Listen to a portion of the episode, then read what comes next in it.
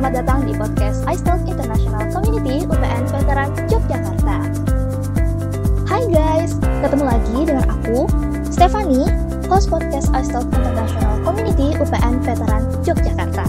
Nah, di episode kedua ini, kita akan membahas sesuatu yang berbeda daripada episode pertama kemarin, tapi ya masih berhubungan lah ya gitu. Soalnya kan kita dari KSM International Community itu KSM yang emang fokusnya ke seni dan budaya. Jadi ya kita nggak ngebahasnya jauh-jauh dari itulah gitu. Nah, di episode kedua ini kita akan ngobrol santai mengenai studying foreign language, maintaining local language. By the way guys, kali ini aku bagaikan debu banget di antara para tamu kita. Soalnya, para pembicara kita di episode kali ini super duper keren banget. Yang satunya pernah magang di luar negeri. Nah, yang satunya lagi bisa bicara banyak bahasa dong. Bagaikan debu banget gak tuh aku di sini? nah, oke, okay. langsung aja yuk kita ke pembicara pertama kali ini. Adalah jeng jeng jeng. Ada Kak Isak. Halo Kak Isak. Halo, selamat sore malam di mana pun pendengarnya. Perkenalkan, aku Isak. Uh, aku uh, dulunya angkatan IC, uh, eh, anak IC angkatan uh, 2016. Um, dan sebenarnya aku nggak hebat-hebat amat lah. Masa dibandingin ke kamunya debu nggak? Kita sama-sama belajar, sama-sama hebat pastinya. ya, itu aja sih dari aku. Oke, okay. oh iya guys, by the way Kak Isak ini founder and CEO Ear Corner loh. Kalian bisa cek di Instagram. Ini keren banget sih, anak international relation banget. Nah, makasih promosinya. nah, jadi Kak Isak ini dulu pernah magang di Thailand guys. Uh, berapa lama Kak? Oh, untuk periode magangnya itu kemarin satu bulan dan itu kira kira-kira sebelum eh itu udah pandemi tapi uh, masih belum terlalu separah sekarang ini gitulah. Jadi masih bisa magang di luar. Ah iya, jadi offline ya magangnya kak. Betul. Hmm, keren banget gak guys? Hmm. Nah oke, okay. sekarang kita next ke pembicara kedua. Di pembicara kedua ini, dia ini teman aku. Kita sama-sama anak Hubungan Internasional tahun 2020 dari UPN Veteran Yogyakarta dan kita juga sama-sama anggota dari International Community angkatan 2020. Siapakah dia? Jeng jeng jeng. Jadi ada Aulia. Hai Aul. Hola. Hola a todos. Um, hola todos. Soy Aulia Regina de Indonesia. Estudio Relaciones Internacionales en UPN Veteran Yogyakarta. Mucho gusto. Gracias. Omo, keren banget. Eh, by the way, barusan itu kamu pakai bahasa apa, Al? Oh, it was Spanish.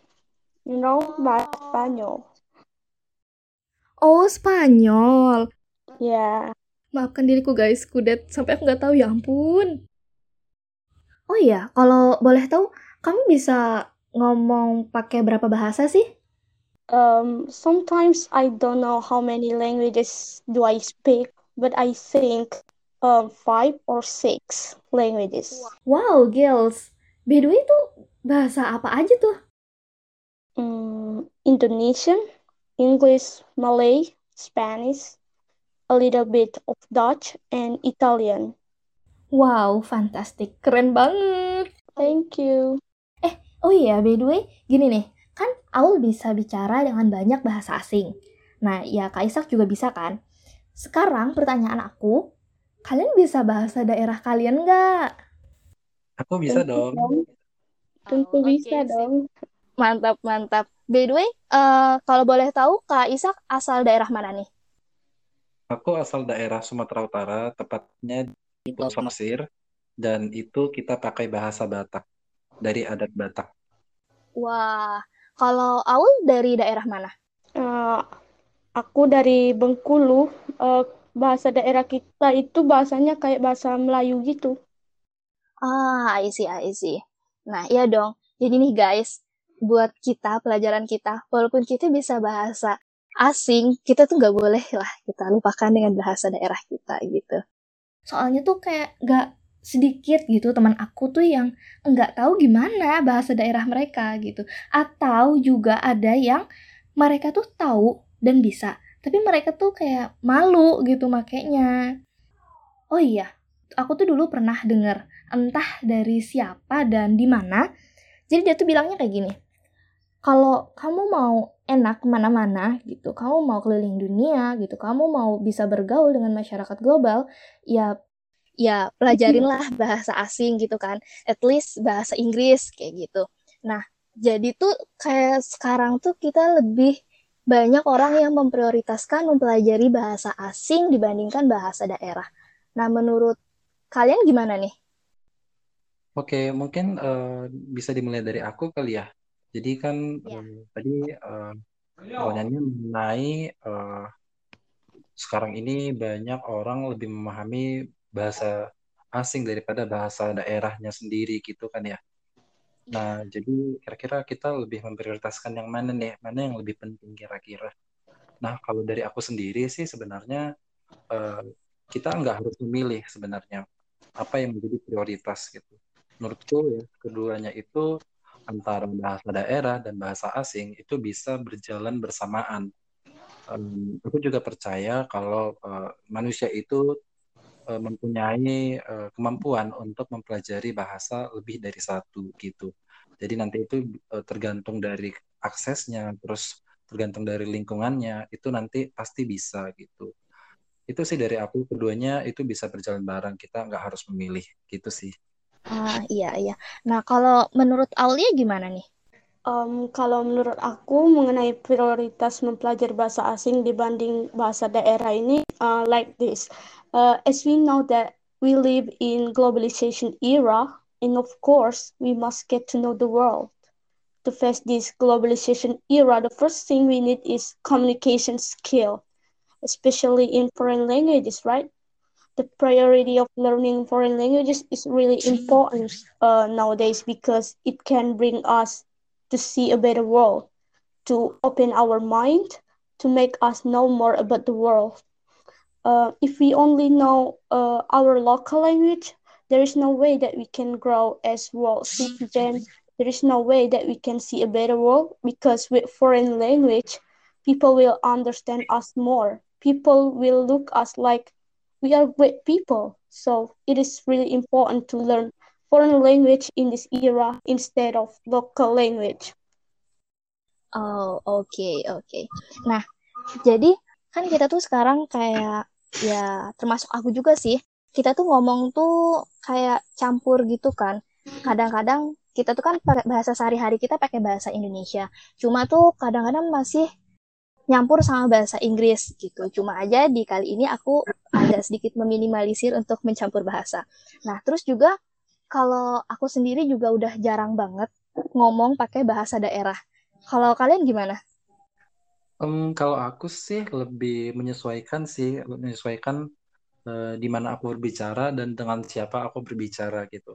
Jadi uh, mungkin bisa aku sedikit ceritain ya. Jadi kan aku di suatu pulau yang dia itu sebenarnya uh, enggak terlalu apa ya, masih bisa dikatakan um, penutur bahasa daerahnya sangat banyak gitu dibanding bahasa Indonesia gitu. Jadi memang eh, bahasa ibu dari orang-orang daerah situ adalah bahasa Batak begitu. Nah, jadi itu berpengaruh juga ke pergaulan-pergaulannya gitu. Pergaulan-pergaulannya misalnya seperti di sekolah gitu. Nah, jadi eh, kalau untuk teman-teman sekolah itu aku biasa pakai bahasa Batak gitu. Nah, terus eh, itu karena lebih sering pakai bahasa Indonesia jadinya bahasa Indonesia dan begitu pindah uh, ke Jawa itu aku mulai uh, semakin baik lagi nih menggunakan bahasa Indonesianya gitu. Terus ya, karena di sini juga nggak ada teman-teman yang bisa uh, dipakai menggunakan bahasa uh, jadi ya lumayan jarang dipakai belakangan ini beberapa tahun belakangan. Terus um, terkait bahasa Inggris sih uh, banyak juga yang dipakai uh, di kuliah, di pertemanan, terus di beberapa teman-teman yang dari luar negeri dan juga waktu magang kemarin itu tuh penting banget bahasa Inggris karena uh, meskipun itu di Thailand ya mayoritas uh, bahasa yang dipakai sewaktu kerja itu bahasa Inggris dan dan juga bahasa Indonesia sih karena ada staff-staff uh, orang warga negara Indonesia juga kan di sana. Tapi untuk kehidupan di luar dari urusan kerja itu kita uh, berusaha untuk menggunakan bahasa Thailand.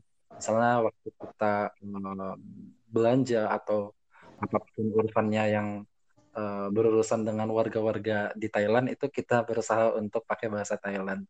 Jadi ya basic-basicnya gitulah. Jadi intinya ya kita menyesuaikan di mana kita menggunakan bahasa itu dan dengan siapa kita menggunakan bahasa itu. Begitu sih kalau dari aku. Ah iya sip sip mantep. Nah kalau dari Aulia gimana nih? Ya penggunaan bahasanya gimana? Um, kalau dari aku sama kayak Kak Isa, kita menyesuaikan di mana kita berada dan dengan siapa kita bicara. Um, kalau di daerahku bahasa daerahnya masih kental banget, uh, jadi most of the time uh, aku menggunakan bahasa daerah aku. Uh, di sini jarang banget uh, orang bicara bahasa Indonesia karena uh, almost all, all people speak uh, local language. Jadi kalau misal ditanya uh, penggunaan bahasa yang sering dipakai, uh, I use mostly English and our local language in this region, in my city. Oh, I see. Kalau di daerah aku juga sih sebenarnya kayak penggunaan bahasa daerah tuh agak sedikit berkurang. Bahkan aku pun pribadi bicara pakai bahasa daerah tuh kayak lebih cenderung ke orang-orang yang udah tua. Kayak kata Kak Isak tadi lah kembali lagi kita berbicara dengan siapa gitu. Kalau misalnya dengan orang-orang tua di sini aku cenderung menggunakan bahasa daerah. Tapi kalau kayak ke teman-teman biasa gitu sehari-harinya lebih ke bahasa Indonesia bahkan kadang pakai bahasa gaul kayak gitu kan. Eh oh iya by the way Aulia tadi di daerah kamu di sana emang pakai bahasa Inggris ya um, di rumah aja kalau bahasa Inggris oh oke okay, oke okay. Nah, sekarang aku mau tanya nih, gimana menurut Kaisak dan Aulia pendapat kalian tentang globalisasi gitu. Soalnya kan kayak yang aku kutip tadi dari kata-katanya Kaisak, di mana kita berbicara dan ke siapa kita berbicara kita pasti menyesuaikan kan. Kita pakai bahasa apa kayak gitu. Nah, sekarang kan kita punya media sosial, kita bisa bicara ke siapa aja tanpa ada batasan. Sehingga ya kita pasti bakal dapat banyak informasi juga dari siapa aja. Nah, dari siapa ajanya itu kita pasti bakal mendengar beberapa banyak bahasa baru, kayak gitu, bahasa asing. Nah, jadi gimana nih kalau menurut kalian? Oke, uh, mungkin bisa dimulai dari aku ya. Um, yeah. Tentang bagaimana globalisasi itu mempengaruhi bahasa ya.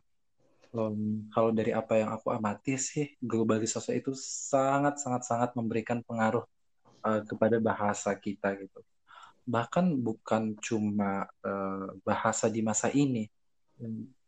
Sebelum-sebelumnya pun bahasa Indonesia itu sebenarnya merupakan bahasa yang uh, menerima banyak pengaruh dari bahasa-bahasa lainnya gitu.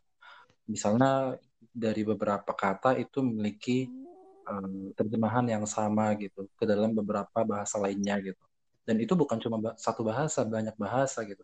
Ada yang dari bahasa Arab, ada yang dari Spanyol, Portugis, Inggris, jadi sebenarnya globalisasi itu bukan suatu isu yang baru dalam bahasa gitu. Um, hanya hanya saja uh, perkembangannya sekarang itu semakin terasa ya karena ada bantuan dari uh, teknologi informasi gitu. Nah, uh, kalau tadi Stefani bilangnya cuma di nge-highlight di media sosial, sebenarnya ada banyak channel-channel lain sih, uh, channel dari globalisasi itu misalnya kayak dari industri musik, dari industri film, itu sangat memberikan pengaruh yang besar ya. Ini aku kasih satu contoh nyata aku lihat ya. Jadi uh, ada beberapa teman aku itu dia itu penggemar musik Korea banget gitu. Enggak cuma musik film-filmnya juga gitu. Nah dari situ tuh dia bisa mempelajari bahasa Korea gitu. Jadi industri Korea yang uh, ada di industri perfilman atau musik Korea yang ada di Indonesia kan salah satu bentuk dari uh, globalisasi kan. Nah, jadi itu benar-benar bisa memberikan uh, pemahaman bahasa kepada orang-orang di Indonesia gitu. uh, kurang lebih itu sih dari aku jadi benar-benar memiliki pengaruh yang besar gitu dan itu benar-benar bisa kita lihat bukti nyatanya di sekeliling kita gitu sih dari aku Nah, iya bener banget. Soalnya dari contoh yang Kak Isak sebutin tadi tuh terjadi di aku gitu. Karena aku suka Iya, suka nonton, awalnya suka nonton aja gitu, suka nonton drama Korea. Cuma karena terlalu sering mendengarnya, jadi kayak uh, sadar tidak sadar tuh kayak sedikit demi sedikit tuh kayak paham gitu apa yang mereka bicarain kayak gitu. jadi pengaruh gue dari film itu lumayan sih bener. Nah, kalau dari Aulia gimana nih? Um, kalau dari aku, I will tell some facts about bahasa Indonesia first. Um, jadi aku pernah baca di salah satu website uh, yang mengatakan bahwa Indonesia is the top trilingual country in the world. Sekitar 17,4 persen masyarakat Indonesia mampu menggunakan tiga bahasa atau berbicara dalam tiga bahasa uh, the trilingual combination are Indonesian, Japanese, and English. Uh, and yeah, Japanese is already recognized by international world. And also Indonesian language, or we call it Bahasa, is the top 10 of the most spoken language in the world. So it's kind of lucky for us as Indonesian that our language is in top 10 of the most spoken language in the world and also we are the second country that has many languages like 710 languages or local languages after Papua New Guinea. And uh, berbicara mengenai pengaruh pengaruh globalisasi terhadap penggunaan bahasa Indonesia oleh masyarakat Indonesia is really great as I said, the Indonesian language, or we call it Bahasa, is in top 10 of the most spoken language in the world. So it's a great thing for us as Indonesians that our language has many speakers. So because of that, I can say that we are lucky because some of people want to learn the most spoken languages because it will be useful to use it in this globalization era. Sebagai masyarakat Indonesia, tentu bahasa pemersatu kita adalah bahasa Indonesia. Jadi, uh, I can say that most of us speak Indonesian language or bahasa. That is part of the spoken language in the world. So that's really great. Yes, benar banget. Nah, kan kita udah tukar pendapat sedikit nih tentang penggunaan bahasa di Indonesia. Nah, jadi nih guys, Kak Isak dan Aulia ini salah satu contoh yang baik mereka bisa bahasa Indonesia, mereka juga tetap mempelajari bahasa asing, tapi mereka tidak melupakan bahasa daerahnya. Nah, sekarang waktunya Kak Isak dan Aulia bagi tips and trick buat kita-kita gimana nih caranya kalian belajar berbagai bahasa itu. Mau dimulai dari siapa nih? Dari Aulia dulu atau Kak Isak? Uh, dari aku boleh.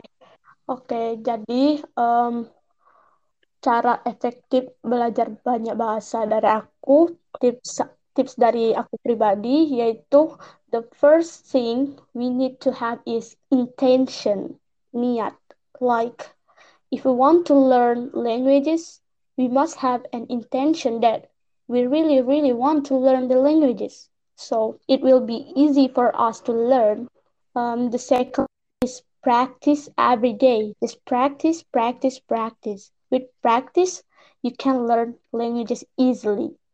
The third one is talking to people using the language you learn.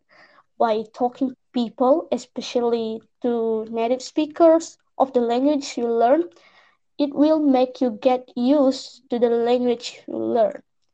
And the one is listening to the music in the language you learn. And the fifth one is watching movie in the language um, you learn. And by watching and listening to the movie, you can uh, train your ears, uh, you can train your brain to get used to the language you learn, especially in the pronunciation. The sixth one is uh, talking to yourself in the language you learn. Uh, contohnya ketika kamu sedang ngelakuin uh, something, Cobalah mengatakannya in the language you learn. try to talk in the language you learn in every activity you do. And the last one is you need to make the language is a part of your life. Like uh, ketika kita udah biasa gak ninggalin sholat nih contohnya, pasti ada rasa kayak ngeganjel gitu. Sama halnya dengan belajar bahasa asing. Kalau kita udah terbiasa uh, belajar bahasa asing, uh, mempelajarinya setiap hari, uh, I'm sure we will feel so. We also need to make schedule to learn languages. Um, I think that's all some tips for me. oh, keren. Mantap. Thank you, Aulia. Oh ya, by the way, uh, kamu ini belajar berbagai bahasa itu otodidak atau kayak les gitu? I never take a course, not even one. Oh, ini otodidak semua. Wow, keren banget. Please, keren banget dong. Thank you. Okay. Next ke Kak Isak, gimana nih tips and triknya buat kita-kita yang masih pemula banget? eh, keren banget Aulia uh, tips and triknya. Um, dari aku kurang lebih ada yang agak-agak mirip juga sih. Cuman aku pengen highlight beberapa perbedaannya mungkin ya. Jadi uh, kalau dari aku um, tentang tips and trick gimana sih kita itu bisa belajar bahasa asing, berbagai bahasa gitu. Nah, um, satu hal yang penting untuk kita garis bawahi adalah um, bahasa itu bukan seperti pelajaran-pelajaran uh, yang ada di sekolah gitu. Bahasa itu adalah cara kita uh, menyampaikan isi pikiran kita dan juga cara kita berkomunikasi ke orang lain gitu. Jadi menurutku penting banget untuk kita itu uh, belajar bahasa uh, dari lingkungan kita. Jadi tidak terbatas dari uh, pendidikan pendidikan formal gitu, seperti di sekolah, di les gitu. Jadi uh, seperti yang dibilang Aulia juga tadi sih, uh, bisa belajar dari autodidak atau dari film, dari musik, dan juga uh, dari pertemanan atau bahkan latihan sendiri ya tadi Aulia. Itu keren banget sih. Itu kita bisa latihan sendiri uh, berkomunikasi sama diri sendiri pakai bahasa bahasa lain gitu. Terus um, ada juga yang penting untuk kita uh, pahami uh, dalam uh, proses uh, dalam proses belajar itu ada uh, beberapa rentang usia yang dia itu lebih uh, efektif untuk mempelajari bahasa jadi uh, aku sempat baca sumber yaitu di, oleh uh, Lenneberg lah Lenneberg. Jadi Lenneberg ini uh, menyatakan bahwa rentang usia 2 sampai 12 tahun itu adalah periode yang periode yang sangat baik untuk uh, seseorang itu mempelajari bahasa. Nah, jadi uh, apa yang bisa kita pelajari dari sini uh, sebaiknya mempelajari bahasa itu dimulai dari usia yang cukup dini supaya uh, pemahaman akan bahasa itu lebih natural gitu. Jadi kan ada nih orang yang dia itu ngomong mikirnya bahasa Indonesia terus diterjemahkan ke bahasa Inggris gitu. Dia nggak mikir dalam bahasa Inggris gitu. Jadi akan lebih baik kalau memang bahasa Inggrisnya itu atau bahasa asing atau bahasa apa pun itu secara natural emang udah uh, diaplikasikan di dalam pikirannya gitu. Kurang lebih itu aja sih dari aku tadi udah cukup lengkap dari Aulia ya.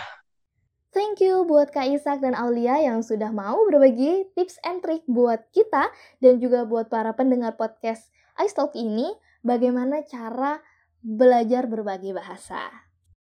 Next, ini yang terakhir guys. Jadi kan kita tadi udah ngobrol nih tentang keadaan penggunaan bahasa di Indonesia saat ini. Terus juga Kak Isak dan Aulia udah sharing tips and trick mereka gimana belajar berbagai bahasa. Nah, yang terakhir aku mau nanya nih ke Kak Isak dan Aulia dengan adanya kondisi yang kita bicarakan tadi gitu kan kayak penggunaan bahasa daerah gitu tuh kayak mungkin sudah sedikit terkikis dibandingkan dengan yang dulu gitu kan karena adanya globalisasi. Nah dari kalian ada nggak saran untuk anak muda atau anak milenial lah kayak gitu saat ini atau bisa juga solusi dengan permasalahan yang kita obrolin tadi gimana? Boleh boleh um, tadi mengenai um, solusi atas permasalahan tadi ya mengenai bahasa tadi. Um, ya. Kalau dari aku sih um, sebenarnya ada beberapa saran yang dia itu nggak terbatas cuma di pemuda. Jadi mungkin aku agak agak meluas sedikit ya ini uh, pembahasannya. Jadi okay. mungkin mungkin uh, salah satu hal yang penting itu adalah dimulai dari keluarga gitu. Jadi penting banget untuk uh, keluarga itu memberikan uh, pemahaman kepada anaknya mengenai bahasa asing dan juga bahasa daerah gitu. Uh, dan ini menyesuaikan juga ya di keluarga itu lebih uh, mengajarkan bahasa ini sebagai pelengkap gitu. Terus uh, selain di keluarga, lanjut lagi itu bisa ke lingkungan yang lebih luas di sekolah, kemudian uh, di masyarakat gitu. Kalau dari aku sih uh, uh, faktor lingkungan itu sangat mempengaruhi. Jadi itu yang perlu kita highlight juga. Terus selanjutnya uh, dari dukungan pemerintah juga itu sangat uh, mempengaruhi ya.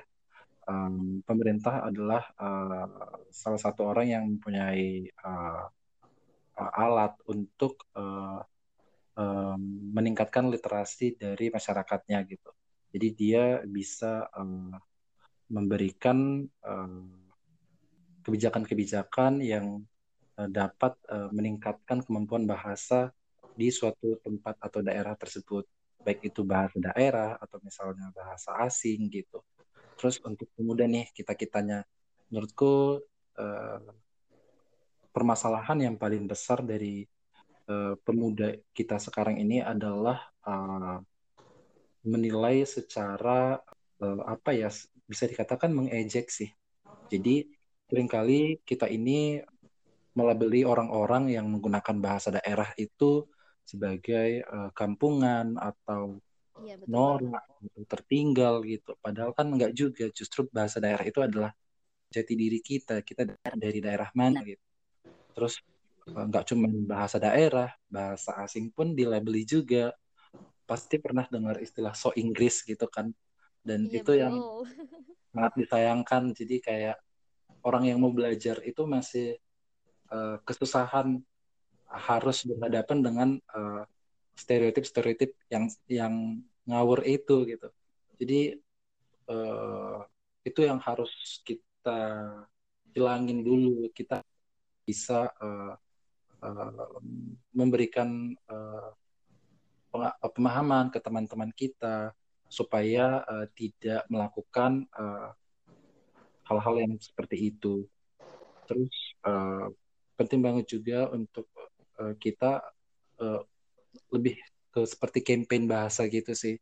Jadi uh, kita dari pemuda misalnya uh, dalam mengadakan lomba di setiap uh, kesempatan men, me, menyusupkan lomba-lomba yang uh, men, dapat meningkatkan kemampuan bahasa daerah atau bahasa asing gitu.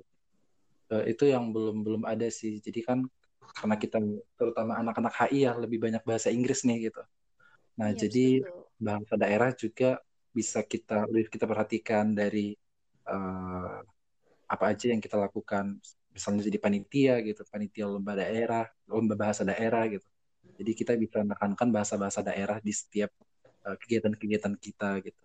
Kalau dari aku kurang lebih gitu aja sih. Thank you Kak Isak. Next coba Aldong gimana nih? Uh, Oke, okay. aku mau nambahin dari Kak Isak sedikit. Uh, benar kata Kak Isak dari faktor lingkungan. Um, banyak banget di desa-desa itu uh, masyarakatnya belum bisa uh, berbicara bahasa Indonesia uh, dengan pasti ya. Uh, jadi itu salah satu permasalahan. I think um, uh, because uh, I we need we need uh, we need people that speak uh, Indonesian more at the region I mean in di desa-desa gitu soalnya kan uh, bahasa Indonesia itu sebagai bahasa pemersatu uh, bangsa kita sedangkan banyak di desa-desa masyarakatnya belum uh, bisa berbicara bahasa Indonesia dengan fasih uh, kalau dari solusinya aku merhatiin kan banyak anak-anak kuliah yang KKN perginya ke desa-desa. I think it really really helps people there um, to speak bahasa. Jadi mereka uh, berlatih ngomong bahasa kepada uh, mahasiswa uh, mahasiswa yang KKN di tempat mereka. Uh, I think that's one of solution. Dan juga ada permasalahan lainnya. Uh, da, kalau dari yang aku lihat ya uh, banyak dari masyarakat kita yang kurang sadar akan pentingnya bahasa Inggris atau bahasa asing lainnya. Uh, seperti contohnya di TikTok, uh, uh, kalau ada video yang uh, pakai bahasa Indonesia, bahasa Inggris, I mean banyak komentar yang dipenuhi gak bisa bahasa Inggris. Jadi itu salah satu contoh bahwa masyarakat kita uh, kurang kesadaran akan pentingnya bahasa Inggris. Jadi untuk solusinya kita harus menumbuhkan um, kesadaran masyarakat akan pentingnya bahasa Inggris melalui sosialisasi dan sebagainya. Uh, I think that's all for me. Okay, thank you Aul. Thank you juga buat Kak Isak. Nah, jadi guys, oh my god. Obrolan kita kali ini nih sangat amat membuka wawasan baru buat aku guys. Semoga juga para pendengar podcast kita merasakan hal yang sama dengan aku. Because kalian sangat amat wow banget guys. Oke, okay, jadi thank you buat kesempatannya. Iya. Thank you. Uh, thank you. Mm -mm. Nah, sekarang aku mau highlight sedikit tentang obrolan kita tadi ya guys. Jadi ternyata, oh ternyata sebenarnya kita tuh nggak perlu membagi prioritas kita dalam mempelajari bahasa. Entah itu bahasa asing ataupun bahasa daerah. Soalnya mereka sama-sama penting. Kalau sekarang kan bahasa asing atau bahasa Inggris lah ya, itu emang lebih dibutuhkan. Tapi jangan lupa juga bahwa bahasa daerah adalah identitas kita, Indonesia. Nah, malah kalau bisa, kita itu sebagai anak muda bisa lebih melestarikan bahasa daerah kita gitu. Nah, apalagi sekarang kan bahasa Jawa juga sudah masuk ke bahasa internasional kan. Terus juga kita harus bangga sebagai orang Indonesia karena seperti kata Aulia tadi bahwa bahasa Indonesia itu masuk ke 10 ke top 10 bahasa yang paling sering diucapkan atau diomongin lah ya gitu di dunia. Nah, jadi kita nggak usah malu guys. Kita ngomong bahasa Indonesia, kita ngomongnya pakai bahasa daerah, nggak usah malu. Soalnya itu adalah identitas kita. Nah, terus untuk pengaruh globalisasi terhadap penggunaan bahasa, itu ternyata udah ada sejak dulu dong. Ya ampun, aku dari mana aja sampai nggak sadar. Astaga. Nah, jadi buat uh, globalisasi itu tuh kayak bisa masuk dari gak cuma dari sosial media, bisa juga dari film, bisa dari musik, dan dari aspek-aspek lainnya. Untuk tips and trick buat kita yang mau kayak Aul, mau juga kayak Kak Isak yang bisa berbahasa asing, berbagai bahasa gitu kan.